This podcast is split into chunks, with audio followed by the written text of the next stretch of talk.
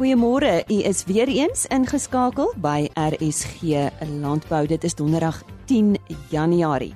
Baie welkom. Ons uh, kry vandag ons eerste vleisprysverslag vanaf Chris Derksen vir 2019. Ons praat oor intensiewe skaapboerdery. Graan SA vertel vir ons hoe die stand van graanaanplantings in Suid-Afrika tans lyk na die reën. Frans de Klerk praat oor die witmielieprys as ook die rand en Johan van der Berg gesels soos altyd weer sake. Ons begin veraloggend met ons uh, vleispryse en dit is 'n verslag wat Chris Derksen weekliks vir ons deurgee. Die veiling het in die Noord-Vrystaat gebeur op Dinsdag 8 Januarie. Chris, pryse is definitief onder druk hoofsaaklik as gevolg van drie faktore. Die eerste is die mielieprys wat dramaties gestyg het. Tweedens is daar die ekonomie wat so pap is en derdens het daar back and closure uitgebreek in Limpopo en ons is baie onseker wat dit aan die uitvoere van vleis gaan doen. Die goeie nuus is wel dat ons hele streek baie goed reën gekry het en dat ons goeie boerevriend Mof Meiberg wat so sleg in die vuur gebrand het na amper 4 maande weer op die plaas is. Ek gee vir julle die presiese pryse. Speenkalvers onder 200 kg het gaan vir R33.10 per kilogram. Van 200 tot 250 kg R30.25 en oor 250 kg R28.55. A-klasse R25.20 B klasse R21.51 C-klasse het vetkoeie het gegaan vir R20.55 en maarkoeie het gewissel van R17 na R18.50 per kilogram. Slagbulle R22.35. Vanaf die skaapmark stoorlam R33 presies, vetlam R30.19, maar stooroeie R27.04 en vetoeie R26.07 per kilogram. En vanaf die bokmark lammers R31.11 en ooe R28.07 per kilogram. Indien ons van enige verdere hulp kan wees, skakel maar enige tyd na 08280 75961. Baie dankie. Dit was die stem van Chris Derksen en 'n webtuiste indien jy graag weer na hierdie pryse wil kyk is www.vleisprys.co.za. Ons sluit nou aan by Henny Maas. Ons gesels met uh, Dani Brouwer. Nou ons praat met uh, Dani uh, oor sy intensiewe skaapboerdery. Uh, nou Dani Brouwer en sy seun Dani Junior is uh, tydens Alfa 2018 in Parys as die heel eerste Zoetis intensiewe skaapboer van die jaar aangewys. Uh, Dani intensiewe skaapboer uh, die hele skaapboerdery beginsel dis nou 'n ding wat wat baie pos vat oral. Hoe lank is julle al daarmee besig? Uh Henny, uh dankie vir die geleentheid. Ons het in 2007 het ons begin met 'n semi-intensiewe uh stelsel. En die hoofrede daarvoor was maar uh omdat ons vertikaal wou uitbrei met ons bestaande hulpbronne nie noodwendig, jy weet, grond wil bykoop nie. Maar ons het van 2012 af het ons nou reg werklik uh, spoed opgetel om om om al die ratte in in in proses te kry. Maar ons is deurlopend maar nog in 'n 'n leerproses en ons bly studente. Ja, jy kom eintlik uit die korporatiewe wêreld en pas jy daardie beginsels van die korporatiewe wêreld toe uh, in die skaapboerdery. En nie baie beslis, uh, ek het 2012 afgetree waar ek 43 jaar werksaam was uh, by landboubesighede, die ou koöperasies en daar's my geen verskil om uh, besigheid te bestuur as om 'n uh, intensiewe skaapboerdery te bestuur nie. Dit is maar presies dieselfde blye besigheid. Nou jy jy het 'n filosofie vir die boerdery wat jy noem drip. Vertel ons 'n bietjie daarvan. Goed, ek wil net voor ek by drip begin net gou gesê hoe ons intensiewe stelsel werk. Ons is eintlik in 'n semi-intensiewe stelsel waar ons oeye uh, in lamhokkies lam en dan wanneer die lammers gesteen speen word, gaan die oeye terug veld toe. Ons lam elke 9 maande wat jy omtrent 1.35 keer per jaar gee Uh al ons oeye word gesinkroniseer en ge-KI en dan het ons 'n besettingssyfer so van 95%. Ons speen ons lammers so op 70 dae of alle lammers wat oor 20 kg uh, weeg en die rede daarvoor is om daardie korter intervalam interval tydperk te bekry uh, te bekom. Van die lammers wat ons uh oeye wat ons scan as 6 weke na die ramme uit is of na so kaai het so 5 tot 10% uh drielinge en vierlinge. Ons probeer 150% uh uh lampersentasie klik by lampkeer. Nou as ons kyk na al hierdie uh in ons stelsel dan uh, het ek 'n filosofie van drip. Dit is dis dis Engels, dit staan vir decrease risk en increase profit. Nou om drip te ondersteun om die besigheidsbeginsels deur te bring, is daar vyf bene van beste praktyke naamlik produksie, bemarking, finansies, mense en stelsels. Nou hierdie 3 ag 5 bene is interafhanklik van mekaar en as jy dit kan verstaan, is jou kans op sukses al hoe groter. Nou die drukbeginsel werk so om kort net prakties te verduidelik. Is as jy jou plaas vat en dis 'n sif eintlik en jy gooi water daaroor as daar gate. En jy moet kyk watter is die grootste gate wat jou risiko uh verhoog en jou winsgewendheid opeet of omgekeerd. Nou daar's eintlik net uh drie drywers wat my aanbetref in hierdie skaapstelsel. Drie hoofdrywers wat wat wat die druk kan ondersteun. Die eerste een is getalle en daardeur bedoel ek nie hoeveel oeye jy het nie, maar hoeveel lammers jy speen en bemark. Die tweede ene is is groei. Met ander woorde, ons wil 'n lam hê wat van die ooi gelamme totdat jy hom klaar bemark het uit die voerkal uit wat veel optimale groei gee. En die derde belangrike een omdat 'n semi-intensiewe stelsel baie uh uh voer vat of voerkoste 71% van ons voer van ons totale koste is voer, is selfgeproduseerde voer. So ons probeer soveel as moontlik voer produseer uh van ons eie. Dan boonbehalwe hierdie 3 is strategiese vennootskappe baie belangrik. Jy moet jou omring met strategiese vennote in daai 5 beginsels bene van beste praktyke.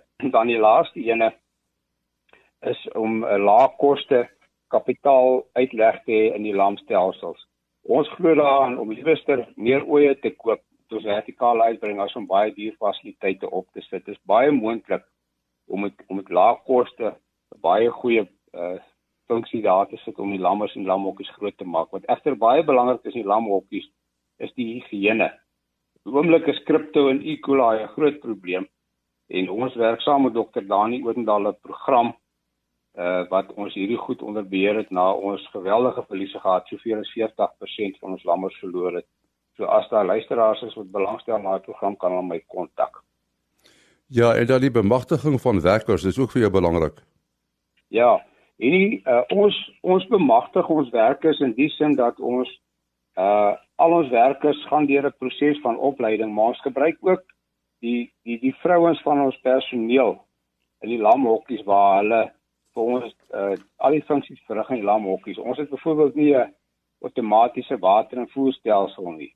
Ons skep werk ten minste vir 4 ekstra werkers deur die hokkies skoon te hou, elke dag voer te gee en die uh water en bakke en goed skoon te maak.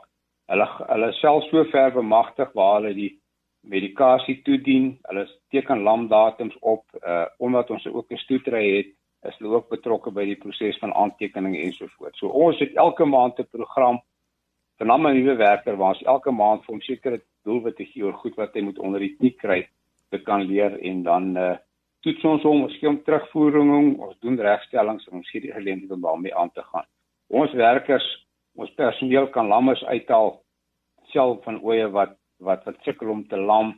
Hulle is betrokke by al die aspekte saam met my seun en myself.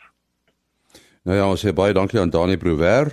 Uh hulle boer daar in die uh Paul Roux distrik op die plaas Maquera. Dankie Henny en aan die einde van vandag se program gesels hy weer sake met Johan van der Berg. Met die reën wat uh, die afgelope paar weke op heelwat plekke neergesak het, het daar ook op verskeie ander plekke nie 'n druppel geval nie. Nou wat is die nuutste met betrekking tot aanplantings want dit is nou die tyd van die jaar wanneer ons boere wik en weeg of dit die moeite werd is om wel aan te plant. Ek gesels nou met uh, Petro Fourie, ek ken haar al hier op RSC Landbou. Sy is 'n landbou-ekonoom by Graan SA en 'n navorsingskoördineerder. Ja, Ja, kom ons begin nou daar maar uh, aan die weste van die land, uh, Môre Petro. Môre Lisa. Ja, weet jy nie, hierdie is nog gelyk ek, ek dink 'n moeilike saakie op die oomblik want ons hierdie seisoen het nou baie moeilik afgeskop en spesifiek soos jy genoem het nou in die westelike dele van die land. Ja, dit was erge hitte en droogte toestande en ek dink die produsente het maar baie uitdagings voor hulle en spesifiek soos jy nou genoem het in die reën wat laat voorgekom het. So as ons kyk en kom ons begin bietjie met my Noordwes provinsie. Ehm um, nou produsente begin daar in die westelike dele van die land ehm um, hulle optimale plantyd begin dan en dis so middel November se kant. En weens al hierdie droogte toestande het produsente basies minimaal geplant. Hulle het in die droë grond probeer plant plant van hulle. Ehm um, en toe het aanplantings dink ek omtrent so volstoom hier soos nuwe jaar se kant begin. Want reën het net voor dit, die reën nog relatief wyd versprei voorgekom. So waar ons by oomblik staan is dat die beraming is dat kom ons maak dit so 50 tot 60% van die provinsie se mielies is aangeplant. Daar is sprake dat produsente nog hierdie week nog volstoom sal probeer plant, um, tot en met die einde van die week se kans. So dan kan hierdie hierdie beraming dan natuurlik nou 'n bietjie meer wees. Maar um, ek ek moet vir jou ook sê, um, so almal fokus natuurlik om hulle mielies in die grond te kry vir daardie provinsie dan nou. So sojabone en die ander gewasse is maar bietjie sy um, een kant toe geskuif. Um, en dan ook omdat daar nog tydperk is vir sonneblom, verwag ons dat volgende week se kant af dat produsente meer na sonneblom toe kan oorswa. So tot datum is daar seker so 10-20% sonneblom dan ook aangeplant, want die sojabone minimaal, maar dit is ook nog nie kernproduserende area vir vir die sojabone ook mos nou nie. Maar as dit nou verder gaan in die Noordwes sentraal Vrystaat, dink ek so 'n snapshot neem van al die produserende areas. Dink ek dit is die een omgewing wat wat bietjie in die kortste end op die oomblik trek, waar die Noordwes se reën bietjie meer wyd versprei voorgekom het, was dit baie meer kolkol reën wat voorgekom het. En dit was ook maar eers dat die reën hier van einde Desember begin Januarie begin val het. So dit was aanplantings is baie wisselvallig in daardie streek en ehm um, die skatting is kom ons sê dan 25 tot 35% van die van die ehm um, beplande mielie hektare tot datum aangeplant. So alhoewel ons nou al buite die optimale plantyd is, is daar produsente wat nog steeds poog om om geplant te kan kry. Natuurlik wat anders dan die produsent ook doen, hy het baie uitdagings en besluite wat hy maar self nou moet neem. En um, ek wil vir jou sê natuurlik gaan mense nou 'n tydperk van 'n risiko dan ook in met hoeveel hy die hitte eenhede wat nou kom, ryp wat kan vroeg kom en so meer. Maar ek dink as 'n opsomming maak vir die vir die westelike dele van die land, um, die reën het laat gekom, aanplantings en um, families is hoofsaaklik buite die optimale plantyd. So daar gaan sekere lande wees wat gaan oorlê dalk meer oorgeswaai gaan word na sonneblom toe en dan dink ons ook natuurlik produsente gaan nie alles geplant kan kry wat hulle van voorneme is nie. Dis nou vir die, vir die westelike dele van die land. As ons nou meer na die oostelike dele toe gaan en dan praat ons nou mos van Oos-Vrystaat sowel as Mpumalanga, so die Oos-Vrystaat het die reën ook laat gekom. So as jy mens kyk ons doen maar op in die VKB en die OVK bedieningsgebied. So as ons kyk na die VKB gebied, lyk dit of produsente geplant het vir mielies wat hulle hoofsaaklik wou aanplant. Maar so 70% van daardie mielieaanplantings is buite daai optimale plantvensters. So dis 'n 2 tot 3 weke later as normaal. Um ek kan vir jou sê op die oomblik die terugvoer wat mens kry is dat die ondergrondvogtoestande is oor die algemeen redelik laag. So opvolgreën op daardie gewasse bly mos natuurlik nou belangrik en um ek kan vir dit lyk maar dieselfde aan die OVK kant ook. So die opvolgreën bly maar bly maar kern daar. Behalwe dat die OVK bedieningsgebied um produsente het nie alles geplant wat hulle ook eintlik wou nie. Anders as die VKB gebied. So daar is sekere lande wat nie geplant kon word nie, maar um reën in daardie hele Oos-Vrystaat is krities belangrik die opvolgreën en dan ook dat daar minder aangeplant kan word van sojabone en so meer en ek dink produsente gaan nog laas ook nog bietjie poog om paar sonneblom ehm um, geplant te kan kry. So dan is die laaste omgewing Mpumalanga en hulle dra ook nogal grootliks by tot die tot die totale produksie. Ehm um, daar moet jy sê toestande was in die begin baie gemeng geweest in Mpumalanga. En toe van Kersfees se kant af het daar redelik nogal um reën voorgekom wyd versprei. Dat toestande wat ons nou kan sê, dit lyk algemeen gemiddeld tot goed. Maar daar is sekere areas wat baie droogtestemming gekry het, Amersfoort, Morgenson en so meer en so meer. Um en dan is dit ook dat 'n erge haal in sekere areas was. Um produsente het hier en daar dink ek dalk landie geplant wat hulle wou nie, maar grootendeels is geplant wat produsente van voorneme was. As ek dit so laaste omgewing sommer kan indruk, is dit meer hier in Limpopo in die Springbok vlakte omgewing. Ehm um, reën het ook maar laat daarvoor gekom. Hulle het 'n bietjie langer tyd wat hulle nog kan plant en ehm um, op die oomblik die terugvoer wat daarvan afkom is dat die lande in baie areas eintlik te nat is om te kan plant weer. So ehm um, maar broer ons almal is so dankbaar vir die reën wat voorgekom het en so ons daar's nog baie vrae rondom die seisoen wat voorlê, maar ons ons vat hom soos hy kom en baie sterkte ook aan elke produsent en besluit wat hy moet neem. Nou sê baie dankie aan eh, Petro Fourie van Graan Suid-Afrika en sy het vir ons 'n oorsig gegee oor graanaanplantings na die reën wat wel op verskeie plekke geval het. Ons gesels ver oggend weer met Frans de Klerk so in die nuwe jaar en uh, as ons so na die uh, media kyk en ons verneem wat met ons rand gebeur, is dit maar op en af en natuurlik so ook met die mielieprys, maar kom ons hoor goeiemôre Frans. Môre Lize en en môre aan al die uh, luisteraars en sommer voorspoed vir almal wat uh, laas jaar deur is. Ons glo dat ons hierdie jaar net 'n beter jaar gaan hê. Maar kom ons kyk na die mielieprys.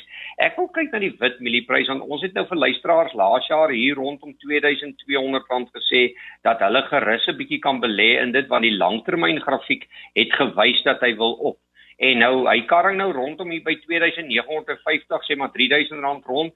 Dit is 'n baie goeie loopie, maar wat daardie grafiek eintlik daai tyd vir ons gesê het dat die die die ingeligte kapitaal rondom die mielieprys het gedink dat hy te laag is en hy moet hoër gaan. Nou ons sit nou tans wat ons noem binne in 'n simmetriese driehoek. Nou 'n simmetriese driehoek net om vir luisteraars te verduidelik is 'n is 'n driehoekformasie waar die grafiek eintlik 'n bietjie onsekerheid deurgee. Hy het nou hierdie pragtige loopie gehad en nou skop hy vas binne in hierdie driehoek en nou gaan hy een van twee dinge doen. Hy gaan of na boontoe breek en ek wil amper sê as dit goeie reën is en die oes lyk beter gaan hy na na onder toe breek, maar na boontoe gaan hy breek as die rand verswak of as die ehm um, die mielieprys lyk of hy 'n bietjie onder druk gaan kom. Ag die mielieoes onder druk gaan kom. Maar die vlak wat boere kan adop hou is 3030. As hy bo 3030 kan kom en 'n dag of twee daarna konsolideer, kan hy terugbeweeg na 3270 toe. So daar's 'n lekker loopie dan en dan as hy na onder toe breek, gaan hy breek onder 2830 rand. As hy onder 2830 rand breek, kan hy afskuif na 2650 rand. So vir boere wat nou aan um, vasklou aan hulle mielies of wat nou dalk nog mielies in die in die silo's het, hou hierdie twee vlakke van die breekdop. Want as hy na boontoe breek, dan kan jy dalk baie naby weer aan 3300 rand vir jou mielies kry, maar as hy hier onder 2800 begin gaan, dan behoort jy te dink dat jy dalk miskien ligter moet maak want hy kan terugskuif na 2650 toe. So ons sit op die oomblik eintlik in 'n kom sien kom saam mark en die die ene wat hom eintlik so onseker maak is snaaks genoeg mense sal dit amper nie glo nie is die randprys. Want die rand teenoor die dollar is eintlik in 'n in 'n wat ons noem 'n vlagformasie is hy gedruk nadat hy ook baie verswak het van omtrent R11.80 laas jaar al die pad hier tot naby R15.60 maar die nadeel van 'n vlagformasie is dat dit is 'n tydelike versterking in 'n dalende tendens. Met ander woorde wat dit vir ons sê is die rand kan nog versterk. Hy kan dalk nog self so laag of so sterk gaan as R13 teenoor die Amerikaanse dollar. Maar ongelukkig as hy daar omdraai en hy begin bo R14.10 vaskop wat net nou die dag gevlak was, dan kan hy weer terugskuif na R15 toe. So vir boere wat daai vlakke wil gebruik om hulle hulle mielieoeste en hulle sojas en selfs sonneblomoeste te bepaal, hou daai twee vlakke in gedagte maar ek dink vir die oomblik 'n bietjie van 'n versterkende rand, maar ongelukkig vir die langer termyn sien ek 'n verswakkende rand in die toekoms op Suid-Afrika wag. Nou ja, goeie raad daarvan Frans de Klerk en ons sê baie dankie en sy e-posadres is frans@fransdeklerk.com. Soos beloof gesels ons nou weer sake. Ons uh, praat nou met Johan van der Berg van uh, Santam Landbou en dit is natuurlik oor die weer. Die die reën het toe uiteindelik gekom, né nee, Johan? En ja, so 'n maand of 2 of 3 te laat, maar dit het ten minste daarom oor redelike groot gedeeltes wat dit gekom het. Daar's nog kolle wat maar redelik min reën gehad het. Uh hier's nog gedeeltes rondom op uh, Kroonstad en meer Swaziland se kuskant toe en nog 'n paar ander plekke wat maar minder reën gehad het en veral die meer westelike en suidwestelike gedeeltes uh van die land ons meer ekstensiewe weidingsgebiede het nog baie min of geen reën gehad nie. So die die krisis in baie gedeeltes duur nog voort daar. Maar om terug te keer na die reën uh in die somergraangebied, ehm um, dit het baie of kom ons sê amper te laat gekom. Uh boere is besig om te plant of het nou laasweek begin plant. En dit is nogal uh, op die laaste of eintlik te laat om te plant in baie jare of in sommige jare. Daar is hoe later 'n mens plant, hoe groter is die risiko dat uh, ryp kan voorkom. En ons weet daar het al jare waar die ryp hier in einde Maart begin begin April voorgekom het. So as 'n mens nou 'n mielievat wat omtrent 110 of 120 dae groei en hy kom nou hierdie eerste week in in Januarie op, dan sê dit dan moenie ryp wees voor einde April nie. En voor einde April veral hier meer na die kom ons sê die Noordwes Vrystaat uh, waar die boere ook nou nog plant, is daar al 'n 30% kans dat daar ryp kon voorkom. Verder mens weste kant toe gaan, hoe minder is die kans daarom. So uh, daar is 'n kans uh dat uh die dat daar ryp kan voorkom uh met hierdie baie laat plantdatums Uh maar ook dit gaan ook saam met die aantal hitte eenhede. So as dit redelik min reën, dan kan die hitte eenhede dit dalk red. Uh maar dit uh dit dit is maar 'n hoë risiko aksie wat nou plaasvind. Uh, as jy mens nou so na die kaarte kyk, lyk dit vir my of die see temperatuur van die Indiese Indiese Oseaan 'n bietjie styg, is ek reg? Indiese Oseaan het al begin afplat. Indiese Oseaan het hier van Augustus tot omtrent November uh was hy so bokant 0.4 grade Celsius warmer as normaal en die laaste tyd het hy begin afplat en 'n bietjie koeler begin word. Maar uh, as 'n mens na die Stille Oseaan kyk, die kwessie van die El Niño het uh, die teenoorgestelde gebeur waar hy nog waar die temperature redelik neutraal was tot hier in Oktober, het dit in die laaste maand of twee dit nou uh, begin warmer word, uh, het ons die El Niño drempels begin oorskry. Uh so die see temperature is so 0.7 na 0.9 grade Celsius warmer in die meeste van die Nino Nino gebiede en 0.5 grade Celsius is omtrent die afsnypunt.